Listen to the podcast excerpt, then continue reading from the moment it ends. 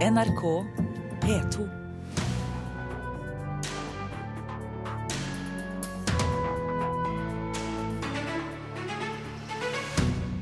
Rogaland Teater tar imot penger fra møbelgigant og viser tydelig logoen på scenen.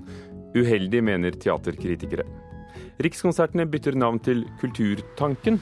Høres mer ut som en gjødseltank enn kulturformidler, sier tidligere språkråddirektør Sylfest Lomheim. Donald Trump briljerer med det infame, ifølge retorikkforsker som har hørt nattens taler. Og noen av verdens mest leste forfattere tolker Shakespeare i romaner. Nå er den jødiske pengelåneren fra Døden i Venedig flyttet til Manchester i dag. Og den anmelder vi her i Kulturnytt i Nyhetsmorgen i NRK. Rogaland Teater har fått 50 000 kroner til en forestilling fra Ikea, og bruker møbelgigantens pakkesystem som kunstnerisk idé. Og varehusets logo sees på rekvisittene. Teateranmeldere mener det minner om produktplassering. Altså Nå er jo ikke 50 000 kroner et stort beløp, men problemet er at det minner litt for mye om det som man jo ofte i filmsammenheng snakker om som produktplassering. Det sier Kristin Aalen i Stavanger Aftenblad. Den erfarne teater- og filmanmelderen trillet nylig en femmer på terningen til teaterkonsert How på Rogaland Teater. Men den absurde forestillingen ble forstyrret av at Ikea-logoen stadig dukket opp på scenen, sier Aalen. Jeg føler at man er gått ett hakk over streken. Jeg føler at eh, man skal være veldig forsiktig fra teaterets side med å gjøre den slags ting, fordi vi publikummere fort kan lure på ja, men er det noen føringer her for hva de faktisk kunstnerisk presenterer for oss? I vårens storsatsing på hovedscenen i Stavanger brukes Ikeas flatpakkekonsept som kunstnerisk idé. En teaterkonsert skal bygges, og skuespillere og instrumenter kommer ut av pappesker, flere merket med Ikea. Altså, Vi opplever det ikke uheldig, det er morsomt å se på. Sier teatersjef Arne Nøst. Rogaland Teater trengte logoen for å sette publikum i flatpakkemodus, og fikk tillatelse, samt en støtte på 50 000 kroner fra Ikea. Men produktplassering er det ikke, sier Nøst. Jeg vil aldri la meg kjøpe av noen som vil plassere et produkt inn i forestillinga. Det handler ikke om Ikea, det handler bare om å få den følelsen av gjenkjennelse når du ser en Ikea-logo på ei pappeske. Alt, altså det er mixed feelings, men det er Ikea som på en måte har den reaksjonsmønsteret liggende kun i sitt navn. Ikke produktplassering, logoplassering som er ønska av oss som lager forestillinga. Ja, altså Det er jo helt sikkert en riktig for Jeg finner ingen grunn til å trekke den forklaringen i tvil. Men, men, problemet er nettopp det at det sitter ikke jeg som publikummer og vet når jeg sitter i salen. Sier anmelderveteran Kristin Ollen. Når første akt avsluttes, får publikum høre fra en rollefigur at teaterkonsert Ikea skal på en turné til alle Ikea-butikkene, der den kan kjøpes for 250 euro. Og den som leser programmet nøye, kan finne et lite takk til Ikea bakerst. Flere teateranmeldere som NRK har snakket med, reagerer på konseptet. Også Lillian Bikseth i Dagbladet, en av dem som ser flest teaterforestillinger i Norge. Jeg har ikke sett oppsetninga, men i utgangspunktet er jeg skeptisk til betalt produktplassering i teatret, også når initiativet kommer fra kunstnerne sjøl. Kunsten skal være fri. Teatret hevder jo at, at, kunsten er fri. De har selv kommet på at de ønsker å gjøre dette. Ja, men de har gitt en plass i forestillingen bort for penger. Varehussjef ved Ikea på Forus, Hans Inge Skadberg, sier firmaet ikke har lagt noen som helst føringer på innholdet. Og Rogaland Teater får støtte fra to andre teatersjefer som har sett forestillingen. Christian Seltun ved Trøndelag Teater og Nationaltheatrets Hanne Tømta. Ja, det syns jeg. Jeg, jeg syns det er helt eh, topp eh, at Ikea eh, gir penger for en forestilling. Det starter med den kunstneriske ideen. Hvis det også er en potensiell inntektskilde, så kjempebra. Det er jo for oss. Vi sendte børsen inn i en bunnprisbutikk, og Bunnpris kjøpte en ny prosjekt hos oss til 200 000. Kjempedeal. Men anmelder Kristin Aalen håper uansett at produktplassering ikke sprer seg til norsk teater. Jeg liker ikke tanken på at teatret skulle begynne med det.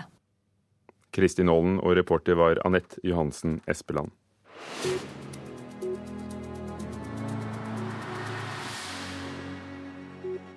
Innspillingen av filmen 'Snømannen' i Oslo er som kjent ferdig, og VG forteller i dag at forfatteren selv, Jo Nesbø, spiller Reporter Stine Traalt.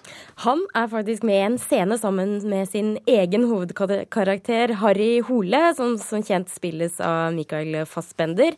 Den er riktignok veldig liten, denne scenen. Den varer i tre sekunder, og Nesbø har ingen replikker. Hans oppgave var rett og slett å stå rett opp og ned og holde en pitbull-lignende hund i handa.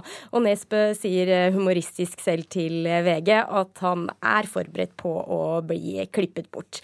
Og bortsett fra denne lille skuespillerdebuten, så mm, har ikke forfatteren hatt noe særlig med innspillingen å gjøre. Han sier at han og Thomas Alfredsson, som er regissør, har diskutert manuset, men at han ikke har hatt noe spesiell påvirkning på sluttresultatet som nå klippes.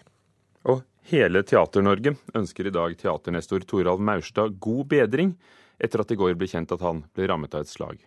Det er Kari Simonsen, Bjarte Hjelmeland og Elsa Lystad som sender ham en hilsen etter å ha snakket med Dagbladet.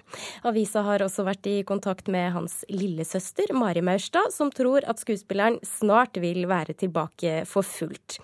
Han er i svært god form og har en god helse, så um, det er nok å tro at han vil være tilbake på scenen. 89-åringen har jo til tross for eh, at han nådde pensjonsalderen for 22 år siden, ikke vist noe tegn til å trappe ned. I år så er det 83 år siden han eh, debuterte på teaterscenen. Og den siste tida så har han vært på turné med stykket 'Tordis pluss Alfred' av lik Toralv. Et stykke som han har skrevet selv, og som handler om hans egen oppvekst med teaterforeldrene sine. Og denne uken har det vært snakk om hva som skal skje med det gamle Nasjonalgalleriet etter at Nasjonalmuseet flytter ut. Men ifølge Dagsavisen i dag så truer museet med å, å bli værende litt til. Det er eh, Ja, de truer med en utsettelse av flyttingen, og det er eh, overskriften på et to siders oppslag i dag. Museet fikk 47 millioner kroner mindre enn det de ba om fra staten i 2016. Og hvis ikke dette bøtes på til neste år, så vil Nasjonalmuseet få en lengre og dyrere flytteprosess fra Tullinløkka, sier de selv. Det fremgår i en slik konsekvensutredning som museet har sendt selv til Kulturdepartementet Kulturdepartementet. Og dette har da ført til i år at det har blitt dyrere billettpriser, reduksjon av utlån av kjøp av kunst og redusert eh, åpningstid. Direktør for museet, Audun Eckhoff, understreker at dette ikke betyr at de ikke får åpnet et eh, nytt museum i 2020 som planlagt, men som sagt, flytteprosessen kan bli forlenga. Og vi i Kulturnytt vi har vært i kontakt med departementet nå i morges, som sier at de ikke vil kommentere slike budsjettspørsmål. Takk, Stine Traalt. I USA har, som vi har hørt i Nyhetsmorgen i dag tidlig, Donald Trump vunnet alle nattens fem republikanske nominasjonsvalg, og det med stor margin på mellom 55 og 64% i de forskjellige statene. Trump påstår at han vil gjøre bl.a. mye mer for kvinner enn Hillary Clinton. I'll do far more for women than Hillary Clinton will ever do, including, remember this, including protecting our country, because she will not be good with the military. She will not be good with protecting our country. And she's had her shot. And she also raised her hand when it came to Iraq. And she shouldn't have voted. And if you remember, just take a look at the things that Bernie Sanders was saying about Hillary Clinton. She said she's not qualified. He said she is not qualified to be president. Hillary Clinton har fått sin sjanse, og hør på hva Bernie Sanders sier som Clinton. Hun er ikke kvalifisert, påstår Donald Trump. Så ta med at Hillary Clinton vant i fire av fem av stater når det gjaldt demokratenes valg, og Bernie Sanders da en av dem. Trygve Svensson, stipendiat ved Universitetet i Bergen og forsker på retorikk. Hva er din første reaksjon etter å ha hørt eh, nattens tale fra Donald Trump? Ja, det er jo den samme som du ofte får. En litt sånn merkelig blanding av fascinasjon og, og hoderisting. Og så må vi prøve å se på om det er et eller annet som er faglig interessant også. Og det jeg eh, så i nattens taler, egentlig både Hillary og Trump sin, eh, var jo at, eh, at begge spiller på dette, altså dette klassiske temaet i amerikansk politikk som vi kan kalle amerikansk eksepsjonalisme. Altså at, at, du på en eller annen måte skal snakke om USA som et helt spesielt land på jorden. Og det som er interessant å se på, er hvordan er det de snakker om det. Hillary hun sto i Philadelphia bare noen fra a few blocks away, away, som hun sa, fra der uavhengighetserklæringen ble underskrevet. Hun snakker om USA som et spesielt land pga. at de har evnen til å komme sammen, samarbeide, bygge bro, eh, over raseskiller. Eh, Trump snakker om at USA må begynne å vinne igjen. Eh, og det er det som er hans inngang til amerikansk eksepsjonalisme. Og så driver han samtidig, da, sånn som vi hørte i en klippet nå nettopp, og tester ut måter å angripe Hillary på. Disse angrepene de er ganske drøye? Ja, og han har jo Det er jo, det er jo et sånn kjennetegn ved Trump at han har, har en sånn egen infam evne til å, til å finne et eller annet med motstanderen. Altså Vi husker hvordan han snakket om Jeb Bush, eksempel, eh, som han da kalte a low energy kind of guy. Som er en helt absurd ting å si om en som har vært guvernør i en kjempestor stat, nemlig Florida. Men på en eller annen måte så bare klistret det seg til Bush. Og eh, når Mark Rubio fremdeles var med i reise, altså, eh, så snakket han om the little senator altså den lille senatoren, som òg er en ganske spesiell ting. Men han, et, um, Rubio så ung og ikke veldig høy ut, og på en eller annen måte klistret det seg til. Og nå i natt så hørte vi, i tillegg til det du nettopp spilte, så hørte vi òg at han sa um, hun har bare ett kort. She's got only one card going for her. That's the woman's card. Altså at, at hun kun spiller på det at hun er kvinne.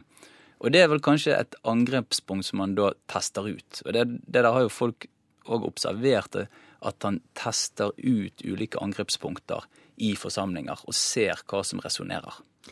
I eh, det vi har hørt fra USA i dag tidlig her i Nyhetsmorgen, så er det da innen rekkevidde for ham å få 300 delegater til, som må til for å bli republikanernes eh, presidentkandidat. Han har jo byttet ut eh, sine medierådgivere. Merkes det? Altså, Det der òg er fascinerende, for han klarer å skape en dynamikk nesten uansett hva han gjør.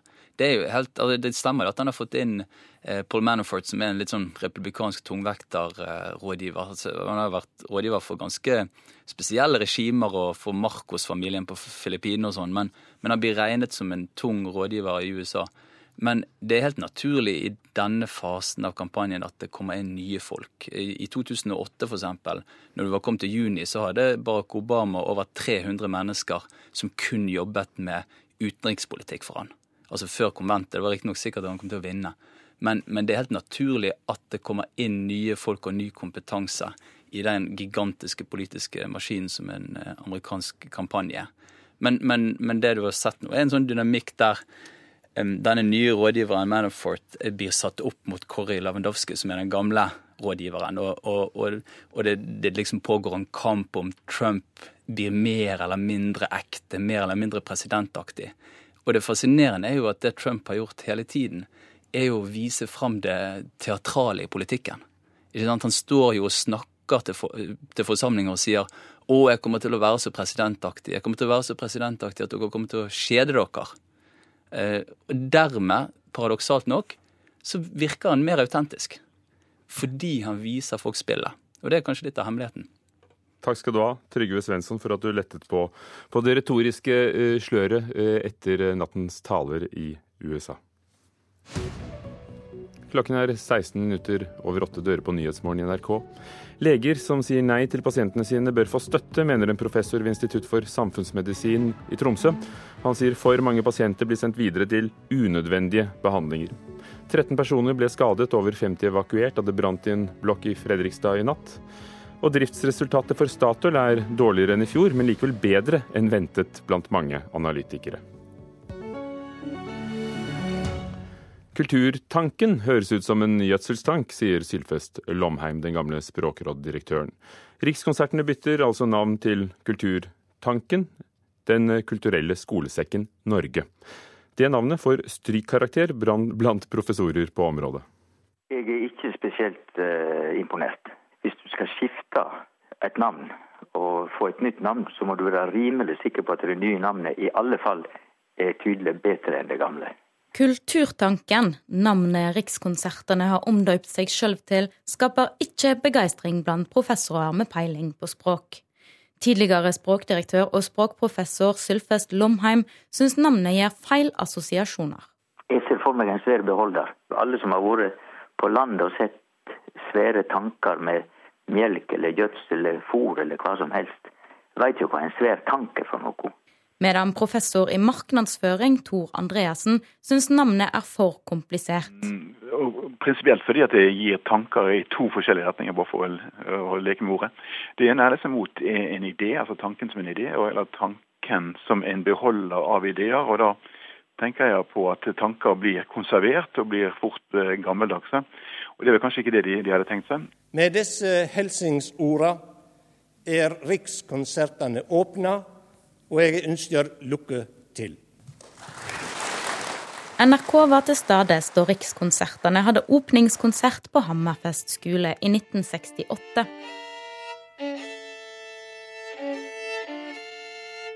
I fjor ble det klart at Rikskonsertene får et nytt mandat med ansvar for Den kulturelle skolesekken, som sørger for kunst og kultur i den norske skolen. Og i går offentliggjorde de altså det nye navnet sitt. Du, vi er veldig fornøyd, altså.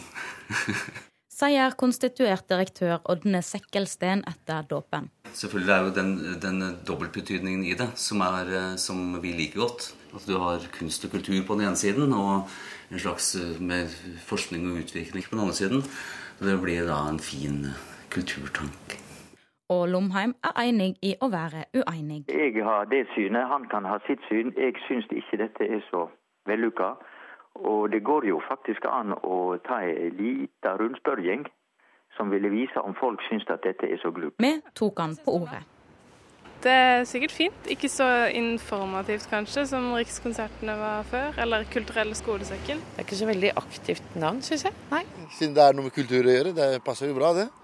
Gjør ikke det? Og medan folk på gata i Oslo er litt usikre, har Lomheim et annet forslag. Kulturtoner, det er vel toner de driver på med. Tone er iallfall bedre enn tanke. Det har Andreassen òg. Det kunne jo da, kanskje da være bedre å kalle det for kulturoperatørene. Som er mye mer sånn ord som folk har forbindelse med noen som arbeider aktivt med kultur. Og det forslaget har faktisk allerede blitt forkasta av Rikskonsert... Unnskyld, Kulturtanken. Altså Kulturoperatørene var jo et av forslagene som vi hadde på lista som vi faktisk forkasta. For å være helt ærlig, så for oss så hadde det litt for mye 90-tallsklang. Det sa til slutt direktør Ådne Sekkelsten i Kulturtanken, eller Kulturtanken, og reporter var Maria Pile Svåsand.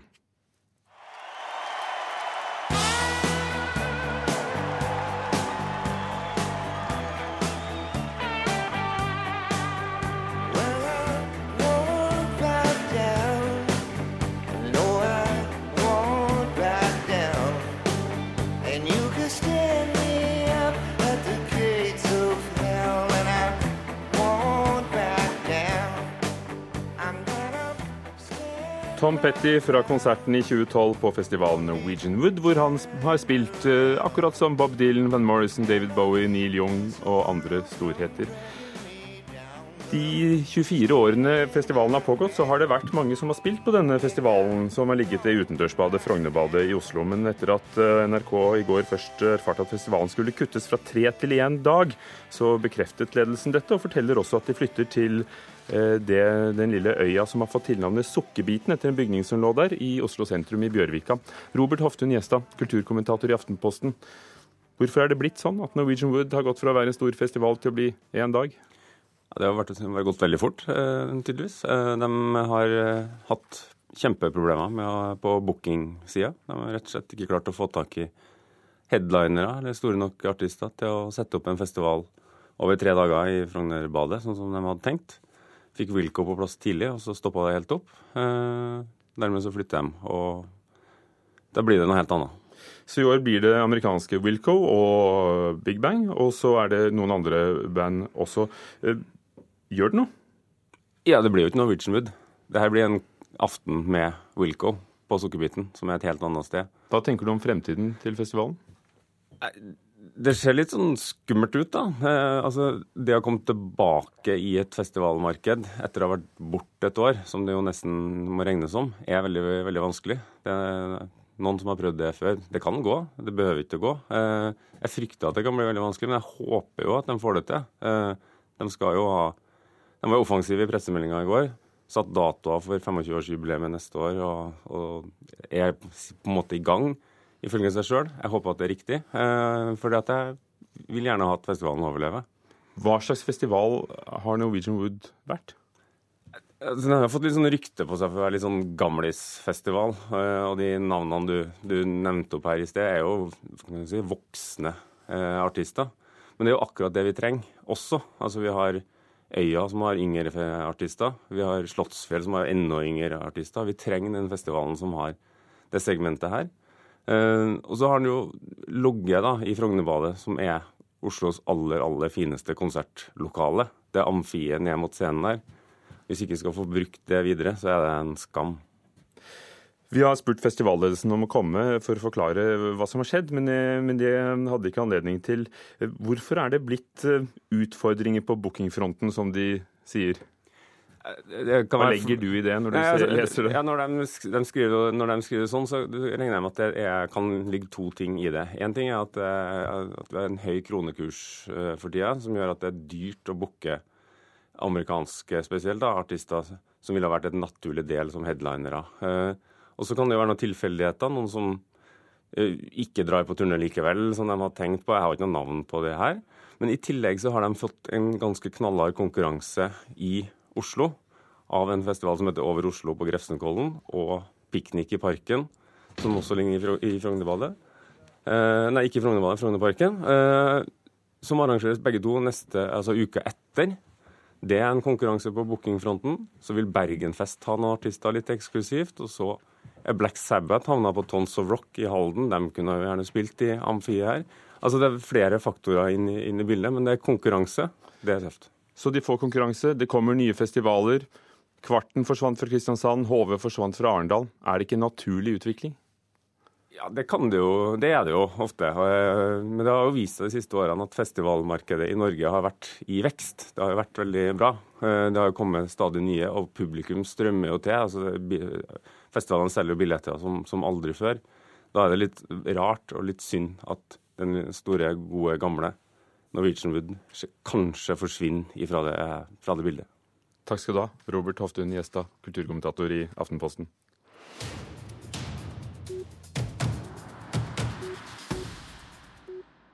Den jødiske panten pengelåneren fra Døden i Venedig av Shakespeare er flyttet til dagens England, og det skjer i en ny roman. Det er det engelskspråklige forlaget Hogarth Press som har tatt mål av seg å få noen av dagens mest leste forfattere til å tolke Shakespeare. Første bok kom i oktober i fjor. Nå kommer andre bok, 'Shylock er mitt navn'. Leif Ekle, litteraturkritiker. Du har lest Howard Jacobsens eh, roman. Eh, hva har den med originalen, 'Kjøpmannen i Venedig', å gjøre? Eh, veldig mye, vil jeg si.